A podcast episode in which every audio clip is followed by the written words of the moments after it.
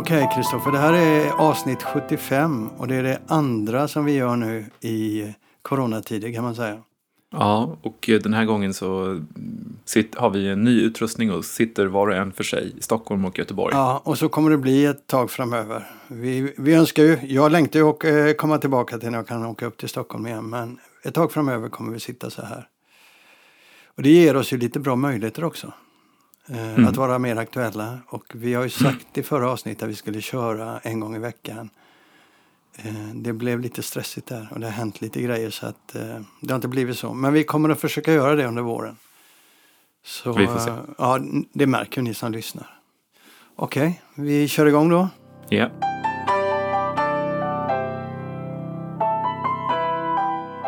Du, det är väldigt mycket snack om neddragningar, nedskärningar, friställningar. Men massa ord där. Vad är det egentligen som gäller? Alltså, Vad sa du med? Alltså det, det är en massa ord där runt det. Det är nedskärningar, neddragningar, friställningar, korttidsnedskärningar. Eh, vad är det egentligen, eh, för den som inte är insatt där, vad är det egentligen eh, alla de här varianterna? Vad handlar det egentligen om? Ja, alltså egentligen kan man säga att det handlar i första hand så handlar det om permitteringar. Regeringen har ju då eh, ganska, ganska generösa permitteringsbidrag så att man kan, man kan permittera folk, det vill säga folk får, folk får gå ner i arbetstid och sen så betalar staten skillnaden mellan det de går ner och heltid. Och, och sen så tror jag, om man går ner från 80, 100% till 80% så kanske det i lönekuvertet bara är 4% skillnad. Mm. Eh, så det är ju väldigt förmånligt och det är väl det som det, är det som det i första hand handlar om nu. Det är ju att, att eh, företag permitterar. Sen har man ju även lagt en del varsel och sånt. Det har gjorts en hel del uppsägningar men ännu inte i bokbranschen utan i, i Sverige och i utlandet så är det i första hand då permitteringar. Ja, och det sker överallt nu. I USA och Storbritannien och Tyskland så vet vi att i stort sett alla stora förlag och mellanstora förlag har permitterat folk. Ja, och vi hade ju som en punkt inför, inför den här podden att vi skulle spekulera i vilka svenska förlag som kommer först. Och eh, precis innan vi skulle spela in det här så kom ju nyheten att Bonnier faktiskt permitterar 60 personer. Mm.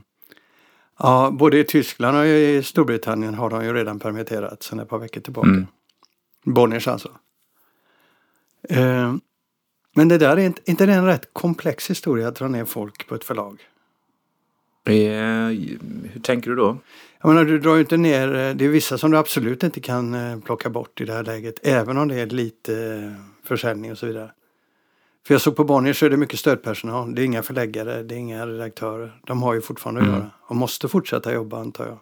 Ja, alltså de säger, Sara Börsvik säger i en intervju eh, att eh, de som berörs av det här, det är, det är 60 tjänster till att börja med. Eh, och det låter ju mycket, men som Håkan Rudels har påpekat, en tjänst på Bonnier motsvarar 17 tjänster på Lind Company. eh, så att det är inte så mycket som det låter. Så du ska, och, det, det, betyder att fyra stycken ska eh, permitteras hos dig då?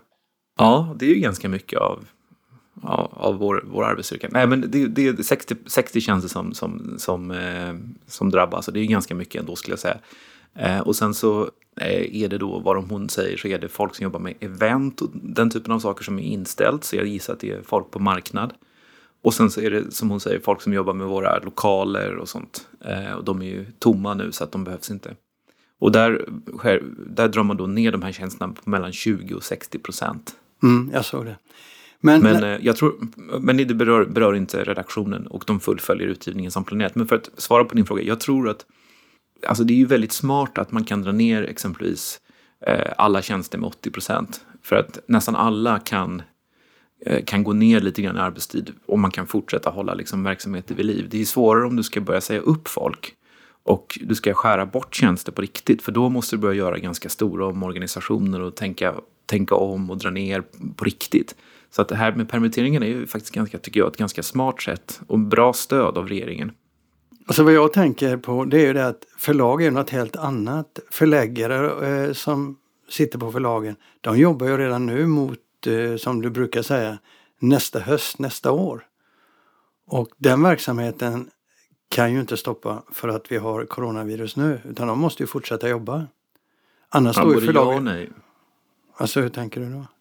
Jag tänker att eh, man, vad det handlar om är ju om att stoppa pengaflödet.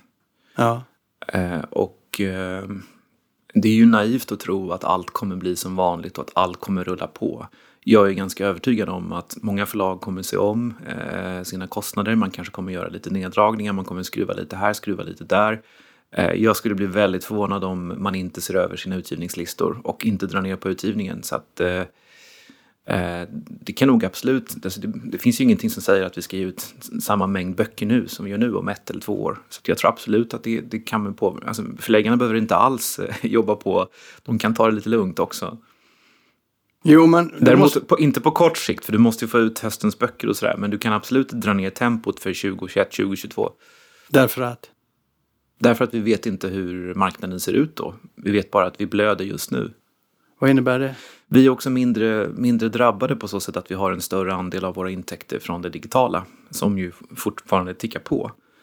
Så att eh, det finns, jag kan inte se att vi ska behöva permittera nu. Däremot så Eh, om det här fortsätter under en längre tid så kan man ju tänka sig att vi kanske ändå måste liksom minska lite grann på titelantalet nästa år och kanske styra om lite grann så att vi lägger mer resurser på det digitala. Men jag tror att vi kan klara av att göra det genom att, att tänka om internt snarare än att permittera. Mm. Eh, för det är också så, du berättade för mig häromdagen att eh, hur, omsätt, hur mycket omsättningen har sjunkit. Vill du prata om det här? jag har ingen lust att säga siffrorna, men jag kan säga att eh, proportionerna ungefär. Att vi har, hittills i april, och nu när vi pratar här så har, vi ju kommit in i, i eh, nästan andra delen av april. Eh, så vad vi har fakturerat via förlagssystem, där då vår fysiska försäljning går igenom, eh, är inte ens en fjärdedel av vad vi omsatte hela april förra året. Och jag har pratat med ett annat förlag som hade liknande siffror. Uh, och ja. och det, som, det som slår mig då också det är ju det här att bokhandeln, vi har ju pratat rätt lite om bokhandeln och det är bo, mest synd om bokhandeln bör ju betonas och understrykas och förlagen och bokhandeln hänger ihop. Men eftersom det här är en förlagspodd och eftersom vi gräver där vi står eller där jag står så blir det ju naturligt att vi har förlagets utblick. Eh, men eh, vad som slår mig då är att eh, förlagen har ju klarat sig hyfsat bra hittills jämfört med bokhandeln. För mot bokhandeln slår det ju direkt. Mm. Förlagen har också digitala intäkter och intäkter från nätbokhandeln som har ökat. Eh, men det sker en eftersläpning här och de här, den här aprilomsättningen som kommer bli katastrofal, kanske den sämsta som Lind Company haft på, jag vet inte, 7, 8, 9, 10 år. Eh, det kommer vi ju se i vårt kassaflöde om några månader för att det tar ju ganska lång tid innan pengarna kommer in. Mm. Eh, så att jag kan tänka mig om det här, april kommer nog bli en skitmånad och maj även om det ser ut som att vi har fått ordning på, på smittspridning och så här. Så det kommer säkert maj också vara en månad där folk är lite försiktiga, håller i sina pengar. Eh, så det kommer nog bli så att många förlag kommer se kraftigt minskade kassaflöden. Eh, kanske få likviditetsproblem framåt sommarens slut eller något sånt där. Ja, det är en helt annan eh, situation som uppstår då i det mm. läget. Vad kan det få för följder? Uh, ja, det, det, kommer ju få följderna som jag säger då att man, man, man faktiskt inte bara kanske permitterar utan man, att man skär ner på folk. Uh, jag skulle bli förvånad om det inte sker. Ja, nu tänker jag inte bara på det, för det vet jag vi har pratat om, men jag tänker ja. mer rent praktiskt på ett förlag. Vad händer i ett sånt läge? När plötsligt kassaflödet eh, blir negativt. Då blir det en massa ja. saker som inte kan göras. Man måste stoppa arbeten oavsett. Ja, alltså det viktigaste är ju att man betalar sina skulder. Eh, och att man betalar den räkningen. Framförallt så måste man betala sina, sin royalty till författarna och den ska betalas i september, oktober. Eh, och ett förlag som har, har problem med likviditeten eh, får det väldigt svettigt i september, oktober om det inte finns pengar när man ska betala författarna. Och det är den stora frågan, skillnaden mot idag då såklart. Och då dras även mm. författarna in i det här ordentligt. Men eh, jag har ju, det ska lugna de som lyssnar på det här, jag kan inte se att detta skulle, eh, detta att, eh, att något av de större förlagen i Sverige skulle hamna i den, i den situationen att man inte kan betala ut royalty. Utan det handlar nog snarare om att man man får ju naturligtvis som alla företag som har likviditetsproblem, man får gå till sina ägare, man får försöka få bättre bankkrediter, man får försöka, man får försöka förbättra lönsamheten, man får dra ner på kostnaderna. Och, så det, det, är nog snarare så att det kan ta sig negativa uttryck i form av att man drar ner lite på listorna av kanske personal. Vi ska ta ytterligare en sak tycker jag när det gäller coronatiderna så att säga. Vi ska prata om Bokmässan i Göteborg och Frankfurt. Mm. Och eh, Förläggarföreningen skickar, precis nu när vi pratar om det här, så skickar Förläggarföreningen brev till Bokmässan som du har läst. Ja, Förläggarföreningen och NOF står bakom brevet. Och vad är det som är centralt i det brevet? Förutom förlagen kräver besked, tidigt besked, alltså mässa eller inte mässa, och så kräver de ekonomisk gottgörelse. Det är det som är det centrala, att man kräver då att eh, eh, man kräver att förlagen ska ge ett väldigt snart besked om, eller vad säger bokmässan ska ge ett väldigt snart besked till förlagen om det blir en mässa eller inte. Och sen så ska man, man ska då göra som i London att man får eh, antingen pengarna tillbaks eller så ska man kunna få ha kvar sin bokning till nästa år. Eller få 60 procent utav Ja, också en variant. ja. Men, men det är intressant, låt oss prata lite om det. Eh, Jag tycker ju att det är fel av Förläggarföreningen att gå ut med ett, ett brev så till Bokmässan i dagens läge. Jag håller med, för att eh, jag tycker att det man, de, de krav man ställer på Bokmässan är orimliga. Bokmässan har ju inget, liksom, vad ska Bokmässan göra? Alltså, de kan inte svara på de här frågorna. Det står också i det här brevet att man ska, man man ska komma med ett förslag på hur, hur man ska kunna genomföra mässan eh, under rådande pandemi och smittspridning och sådär. Eh, och det kan ju självklart inte eh, Bokmässan svara på, för det kan ingen svara på. Allt handlar ju om hur pandemin utvecklas och om vi får en andra våg och så vidare. Mm. Så det är, är en helt, helt omöjlig teoretisk eh, frågeställning. Liksom. Frankfurt är ju alldeles efter och den ligger ju i samma tid. Så jag undrar, har de skrivit ett brev till Frankfurt? Nej, det tror jag inte, för det är, alltså, det är inte samma typ av pengar. Eh, bokmässan i Göteborg är fruktansvärt dyr medan Frankfurtmässan handlar ju ofta om att man skickar ner några förläggare. Eh, det är lite dyra hotellrum, det är väldigt få svenska förlag som har montrar där nere. Eh, det är mycket, mycket mindre ekonomisk satsning och eh, sen är det också så med Bokmässan i Göteborg att du har ju ett stort planeringsarbete som pågår nu. Mm. Eh, där man, man håller på och eh, planerar seminarier och bokar in folk och moderatorer.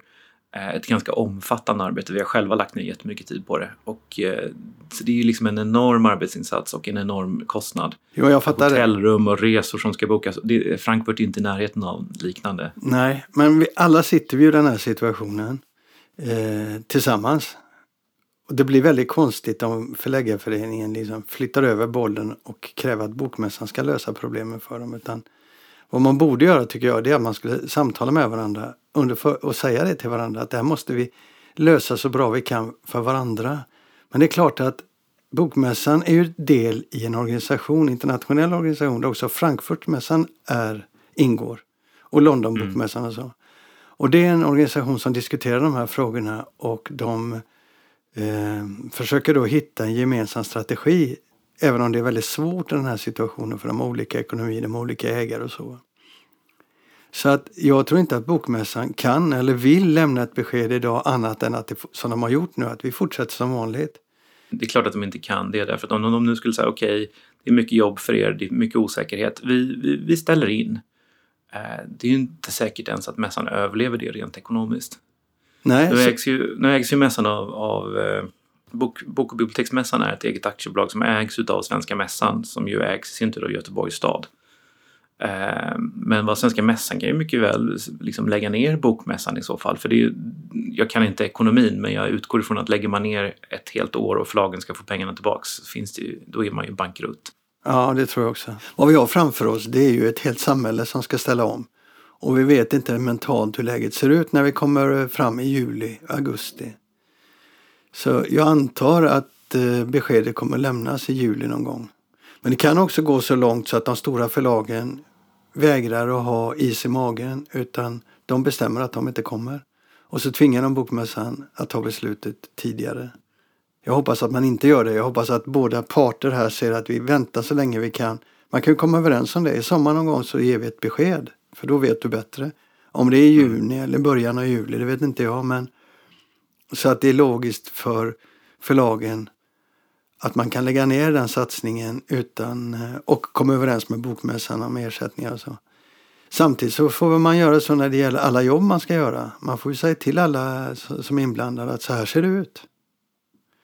Alla Jo, vet ju det. Exakt, jag håller med. Det är, det är inte läge att skylla på varandra och säga ni ska ge oss besked och ni ska lämna svar. För vi sitter verkligen i samma båt allihopa. Och, Eh, det, det, det, ingen är liksom vinnare på det här. Och även om, även om förlagen skulle haft en annan inställning och sagt så här till bokmässan att ja, men vi kör, vi hoppas på det bästa. Och sen så eh, hamnar vi i ett läge där smittspridningen går ner så pass mycket och eh, Folkhälsomyndigheterna drar tillbaks de här rekommendationerna om att man inte ska ses mer än 50 personer och sådär.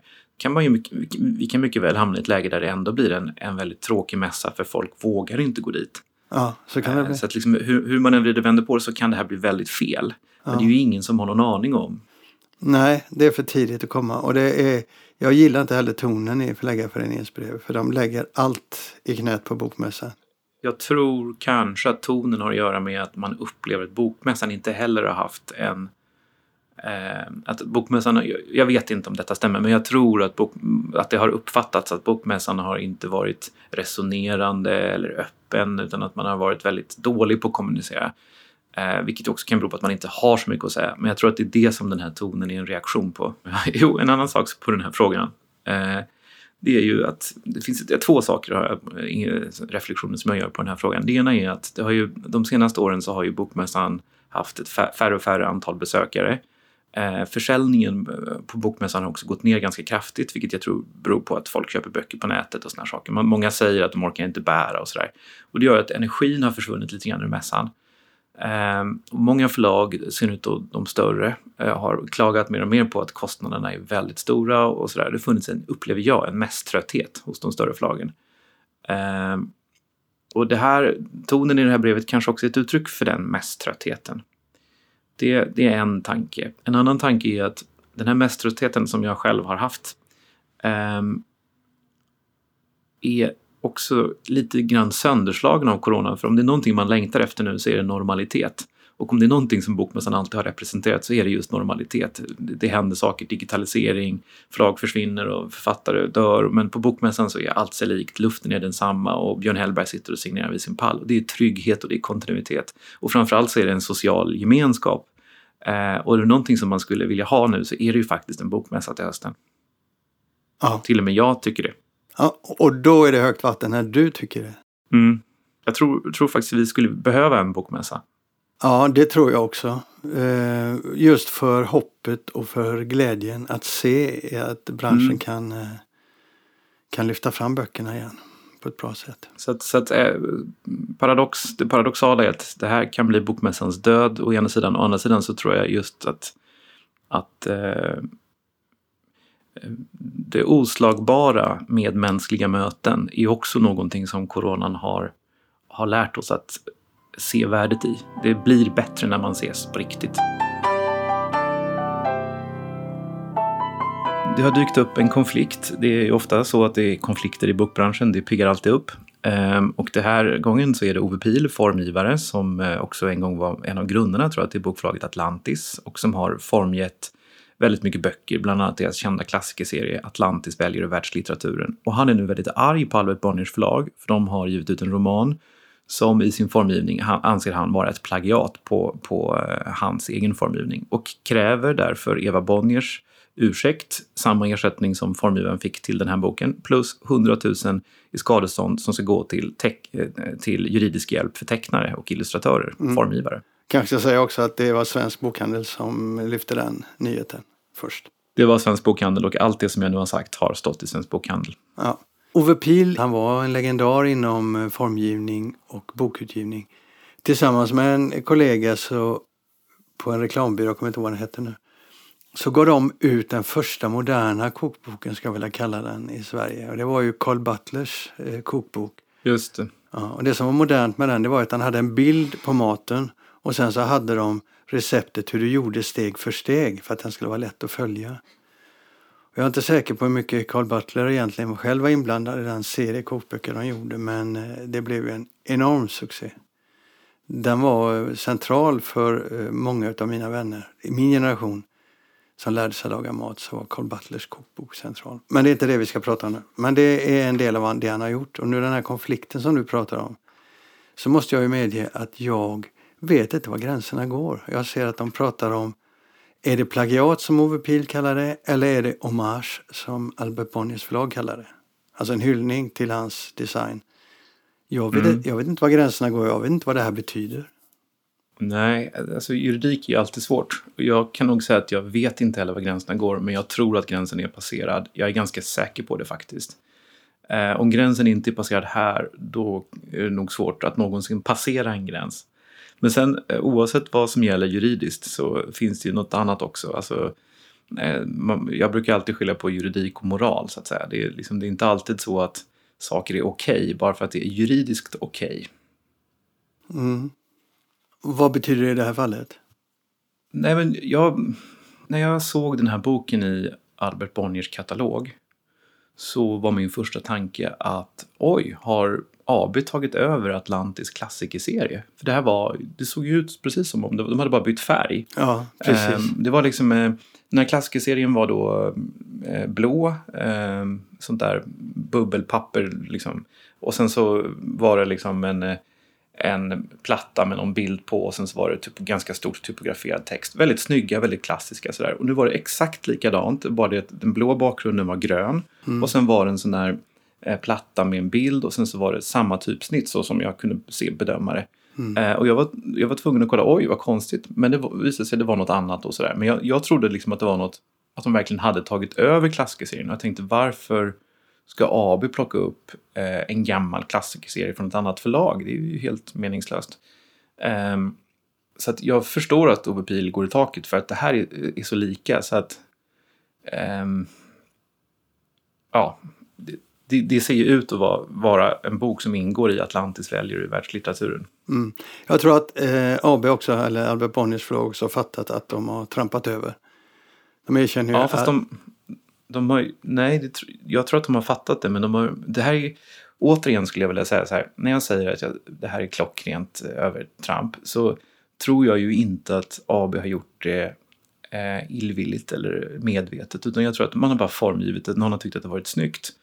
Um, och sen så har man antagit det här och ingen har riktigt tänkt. Någon har kanske sagt så här, är det inte likt Atlantis? Och då har någon annan sagt så här, jo, men ja, kanske, ja, jag vet inte. Och sen först när man lägger böckerna bredvid varandra så ser man det. Alltså AB har gjort fel, men det har inte varit medvetet eller avsiktligt. Men de borde bara backa, men det har de inte gjort, för de har sagt att de har sagt att det här är en hyllning till ah. god formgivning. Och det är ju att irra in sig i bortförklaringar som inte håller. Ja. Du inser att du nu kommer Ove Pil kommer använda dig om det blir en juridisk strid? Till och med. Nej men, han har, nej men han har rätt. Han har rätt. Och jag tror han kommer vinna den juridiska striden. Däremot så är det ju helt orimligt att de ska betala 100 000 till eh, någon slags skadestånd. Det, det, det är ju inte rimligt. Men du tycker att han gör helt rätt? Jag säger att han har rätt, men jag tycker inte att han gör rätt som kräver Eva Bonniers eh, eh, eh för, alltså, ursäkt och, och alltså, han, han eh, överreagerar. Alltså, det, är ju, det är inte så att eh, det här drabbar honom allvarligt och det här drabbar honom definitivt inte ekonomiskt. Då. Eh, alltså han, över, han, han är överreaktion. Han, det här är en överreaktion och det är tråkigt med folk som söker konfrontation. Men han har rätt i sak. Okej, okay. men jag vet lika lite var gränserna går som innan vi började prata om detta. Det där är ju en väldigt svår Nej. fråga för jag ser ja. ju ofta, ser jag ju, eh, inte så grova övertramp som den här gången, så grov likhet, alltså så, så, som ligger så nära som det gör den här gången. Men jag ser ju omslag som ser väldigt lika ut. Ja.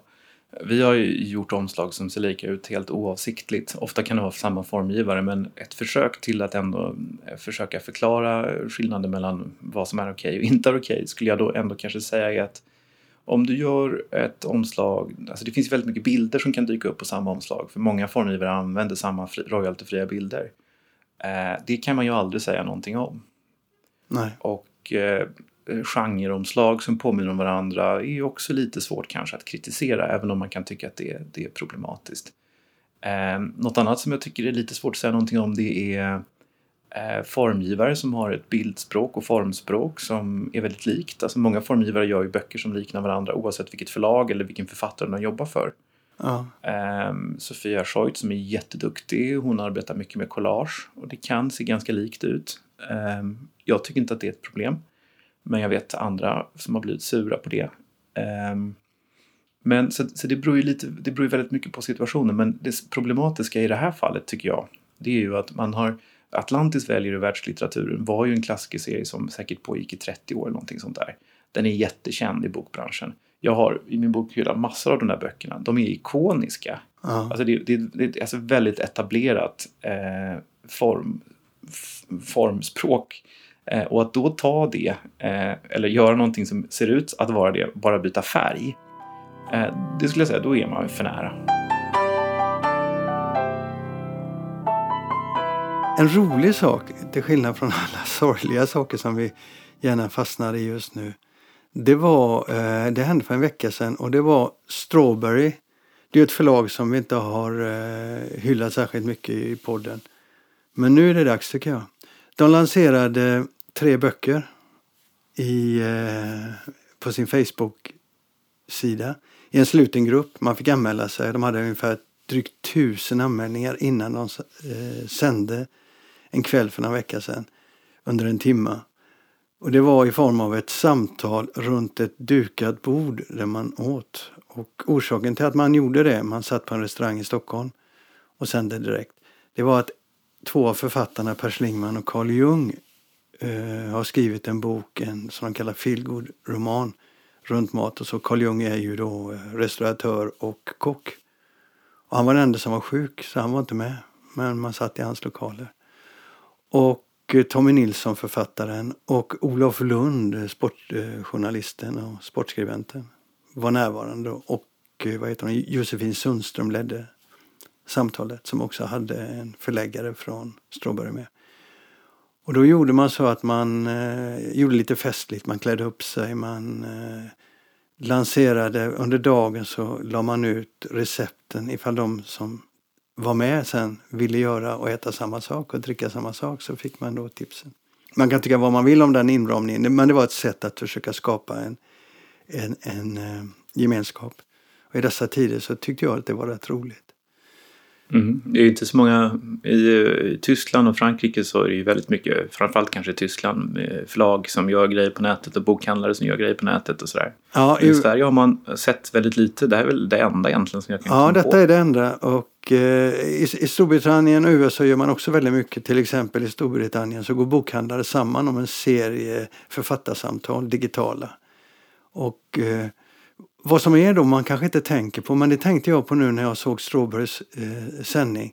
Det är ju att du når hela landet. Du når hela världen om det så vore. Och det visade sig då, för de har ju kommentarer. Vi som lyssnade och satt hemma, vi kunde skicka in kommentarer eh, till programmet och så kom de upp då vid sidan. Och det är ju en otrolig fördel om det är roliga kommentarer, intressanta kommentarer. Vid något mm. tillfälle under den här kvällen då så började folk skåla med varandra så här. Skål, jag sitter i Danderyd. Skål, jag sitter i Canberra. Skål, jag sitter i Paris. Skål, jag sitter i Norrland. Hela vägen sådär va. Masthugget var det väl någon som satt det också? Ja, det kanske var. Det, men den personen skrev inte skål och talade inte om att han var med. Men annars var han med ändå. Och, och jag, jag, ser det som... Alltså för förlaget är det väldigt roligt att se de här kommentarerna men framförallt för oss som följer med. Det blir liksom jämfört med eh, när det är, i verkliga livet så får vi följa allas tankar där om vi vill då. Beroende på hur eh, intressanta de är. Men det var en väldig fördel att se de kommentarerna. Sen är det, ja, roligt. Ja, sen är det en svår sak det där. Eh, det, det, det, krävs att du har tempo, det krävs att du har framåtrörelse i, i, i samtalet och det krävs att du är o, oavbrutet intressant. Och det betyder ju att du kan misslyckas och att du misslyckas. Det är klart att det fanns grejer där i det här som inte var så...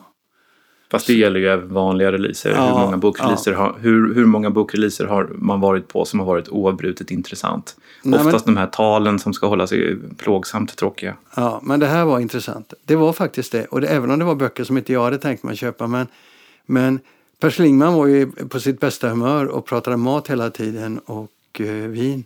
Tommy Nilsson var oerhört intressant. Han fick för, tyvärr lite för lite utrymme men där såg jag att det tog, tände till direkt bland oss som lyssnade när han började prata. För han hade en, en eh, han hade velat ha mer av. Och sen Olof Lund då som var med men egentligen Hade det varit i vanliga fall så hade han inte varit med därför att den boken han skulle ge ut den kommer inte förrän till höst för den handlar om fotbollslandslaget och det är ju inställt. Mm. Men Hur han, många var det som eh, deltog i det här? Ja, det var mellan 200 och 250. Eh, de kom och gick folk under, under den här timmen. Mm. Så. För det är ju ändå ganska bra, 200-250. Jag tycker det är skitbra. Sen så var ju Stråberg snabba med att ge rabatt till de som... Det fanns, Adlibris hade en specialrabatt till de som, ville, som hade varit med och som ville köpa någon bok. Jag, jag tycker att det här var skitbra gjort av Stråberg och eh, det glädde mig otroligt att de ville testa det. Jag tycker det är tråkigt att det inte är fler som gör det. Jag förstår att det kostar pengar och jag förstår att det kostar ansträngningar. Men vi behöver tillsammans faktiskt göra något för att hålla liv i eh, bokutgivningen och i samtalet om böcker. Så där, där, där gjorde de någonting väldigt bra. Tack för det. Tyckte jag då. Mm. Jag, håller, jag har inte sett men jag håller med. Ja. Det var allt för avsnitt 75 av Förlagspodden. Men vi hörs snart igen. Ja, och vi har ju sagt att det ska vara en vecka mellan avsnitten. Vi får se om vi fixar detta med den nya tekniken. Ja, vi får se. Ja. Vi får se. Hej då.